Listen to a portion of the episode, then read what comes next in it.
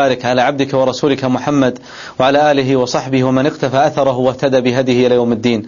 أيها الإخوة والأخوات أيها الأحبة الكرام السلام عليكم ورحمة الله وبركاته وطيب الله أوقاتكم بكل خير. أيها الأحبة ربنا سبحانه وتعالى يقول استهدوني أهدكم.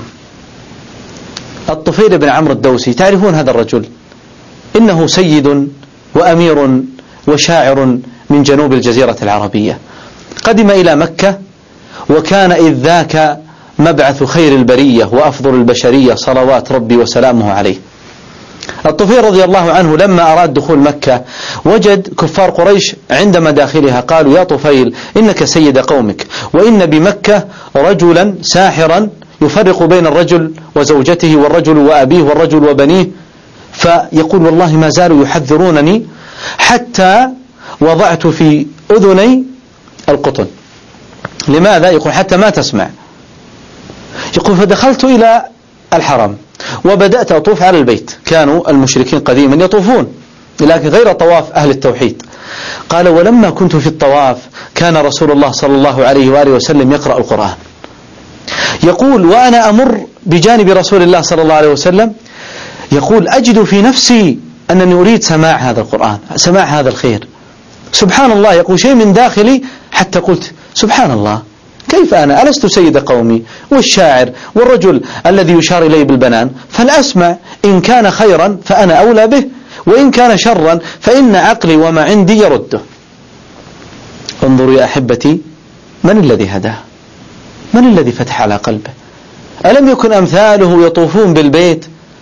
ولكن سبحان الله أراد الذي يهدي القلوب سبحانه وبحمده أن يهدي قلب هذا الرجل. يقول فنزعت القطن من أذني فما والله ما هو إلا أن سمعت صوت رسول الله صلى الله عليه وآله وسلم وسمعت تلك الآيات حتى دخل الإيمان إلى قلبي. يا سلام. يا أخوتي والله شيء رائع أن تتذكر هذه الهداية التي يقذفها الله في قلوب عباده المؤمنين. فهداه الله عز وجل وأسلم الطفيل. ليس هذا فحسب بل ذهب إلى قومه داعيا لهم حتى عاد إلى الرسول صلى الله عليه وسلم. قال يا رسول الله ادعو الله على دوس. ما أسلموا قال اللهم اهدي دوسا وأت بهم. إنك لا تهدي من أحببت ولكن الله يهدي من يشاء.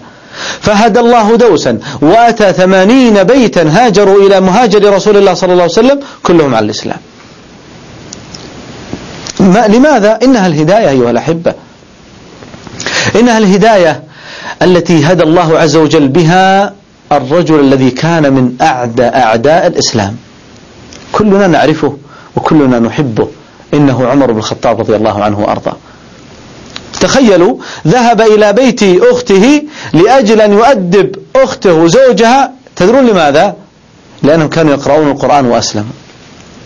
قال أنا أعرف كيف أربيهم فلما وصل إليهم في القصة التي تعرفونها جميعا هذه القلوب هدى قلبهم وشرح الله صدره الإسلام هذه سر الهداية أيها الأحبة أن الله هو الذي يهدي هذه القلوب.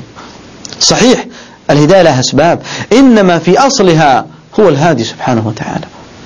فدخل إلى بيت أخته وبدلا من أن يؤدبها بزعمه سابقا خرج وهو يقول أشهد أن لا إله إلا الله وأن محمد رسول الله. الله أكبر. لا إله إلا الله. هذه الهداية أيها الأحبة. أبو هريرة رضي الله عنه كانت أمه على غير الإسلام وكان شديد البر بهذه الأم يحاول يدعوها يريدها أن تسلم ما أسلمت. فأتى إلى الرسول صلى الله عليه وسلم قال يا رسول أدعو الله لأمي أن تسلم. قال اللهم اهد أم أبي هريرة اللهم اهدي أم أبي هريرة اللهم اهدي أم أبي هريرة. يدعو الحبيب صلى الله عليه وآله وسلم يدعو لأنه يريد الهداية للناس. الله ما بعثه إلا رحمة للعالمين. بعثه بالهدى ودين الحق ليظهره على الدين كله. ولهذا لما كان معه أبو بكر الصديق رضي الله عنه في حادثة الهجرة كان الناس يسألون يقول يا أبا بكر من هذا الذي معك؟ ماذا يقول؟ يقول هذا هاد يهديني. الناس يتصورون يهديه في الطريق ولكنه يهديه إلى الطريق إلى الجنة. الطريق إلى السعادة في الدنيا والآخرة. والله كل من اتبع محمد صلى الله عليه وسلم سلك طريق الهداية. الحاصل أيها الأحبة أن أبا هريرة رضي الله عنه لما سمع دعاء الرسول صلى الله عليه وسلم أيقن أن الله سيهدي أمه مباشرة ذهب إلى بيت أمه فوجدها تغتسل. فلما خرجت عليه قالت يا أبا هريرة أشهد أن لا إله إلا الله وأن محمد رسول الله. الله أكبر. انظر سعادة أبو هريرة الآن حتى أنه يبكي من من سعادته. وأخذ يقبل أمه ويهنيها على إيش؟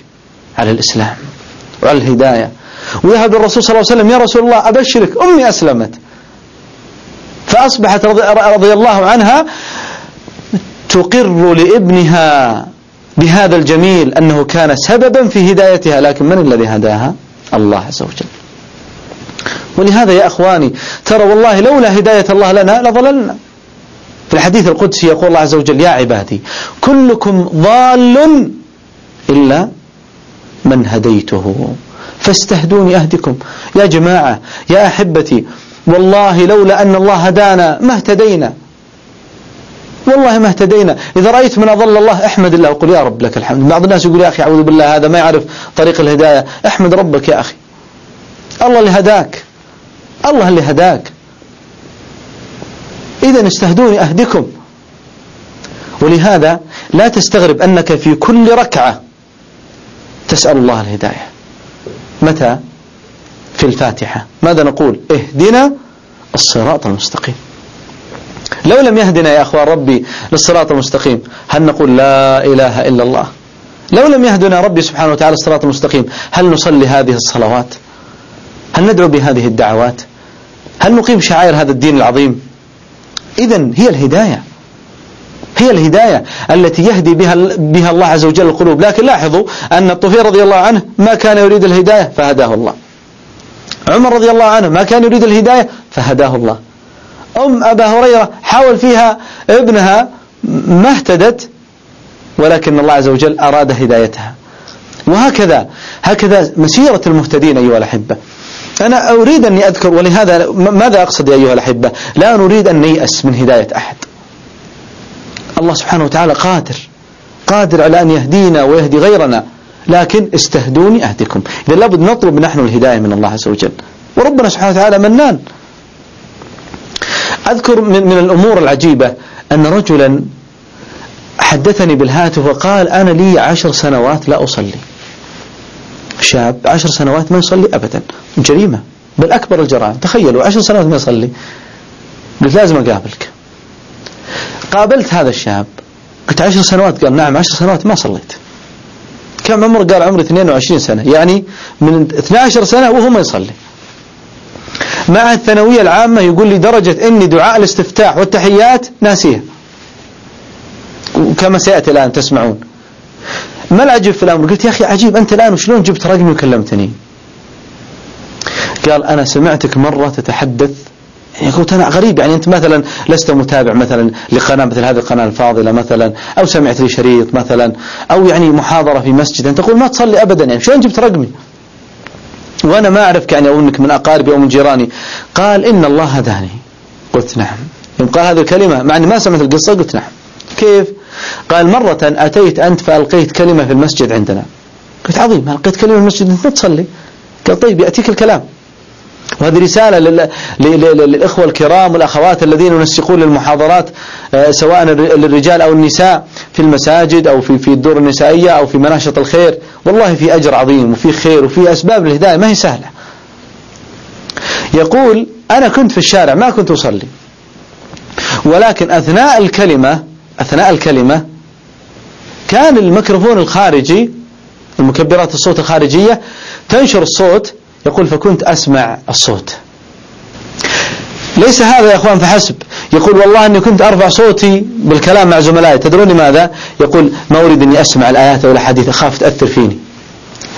ما يريد الهداية لكن الله سبحانه وتعالى أراد الهداية له.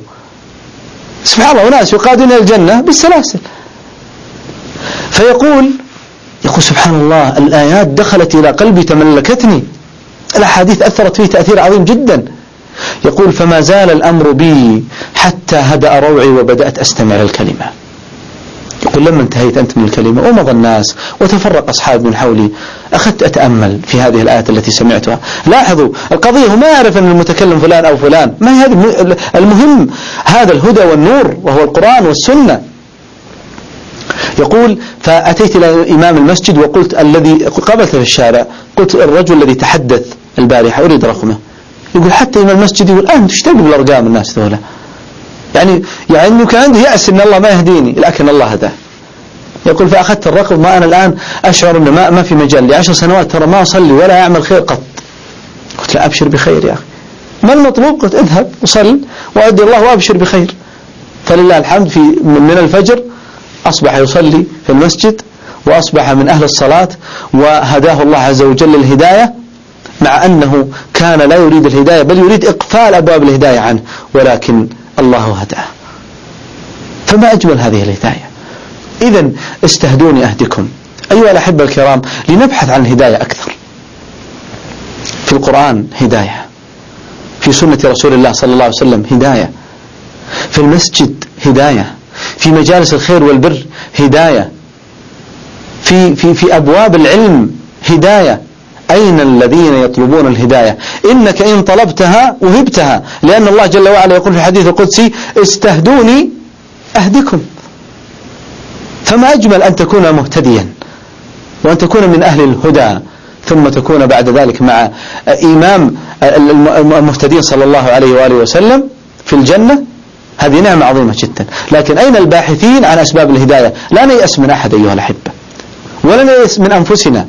ولنعلم أن باب الهداية مفتوح وأن أسبابها معروفة وأن ما علينا هو أن نبذل الأسباب ولعل الله عز وجل أن يأتي بالهداية في ساعة ربما يأس الناس منها. اللهم يا من تهدي القلوب والأبصار والأفئدة اهدي قلوبنا لطاعتك. اللهم اهدنا للصراط المستقيم. صراط الذين أنعمت عليهم غير المغضوب عليهم ولا الضالين. أسأل الله أن يوفقني وإياكم لطاعته. أسعد بلقائكم في مرة أخرى. والسلام عليكم ورحمة الله وبركاته. ولتكن منكم أمة يدعون إلى الخير ويأمرون بالمعروف وينهون عن المنكر. وأولئك هم المفلحون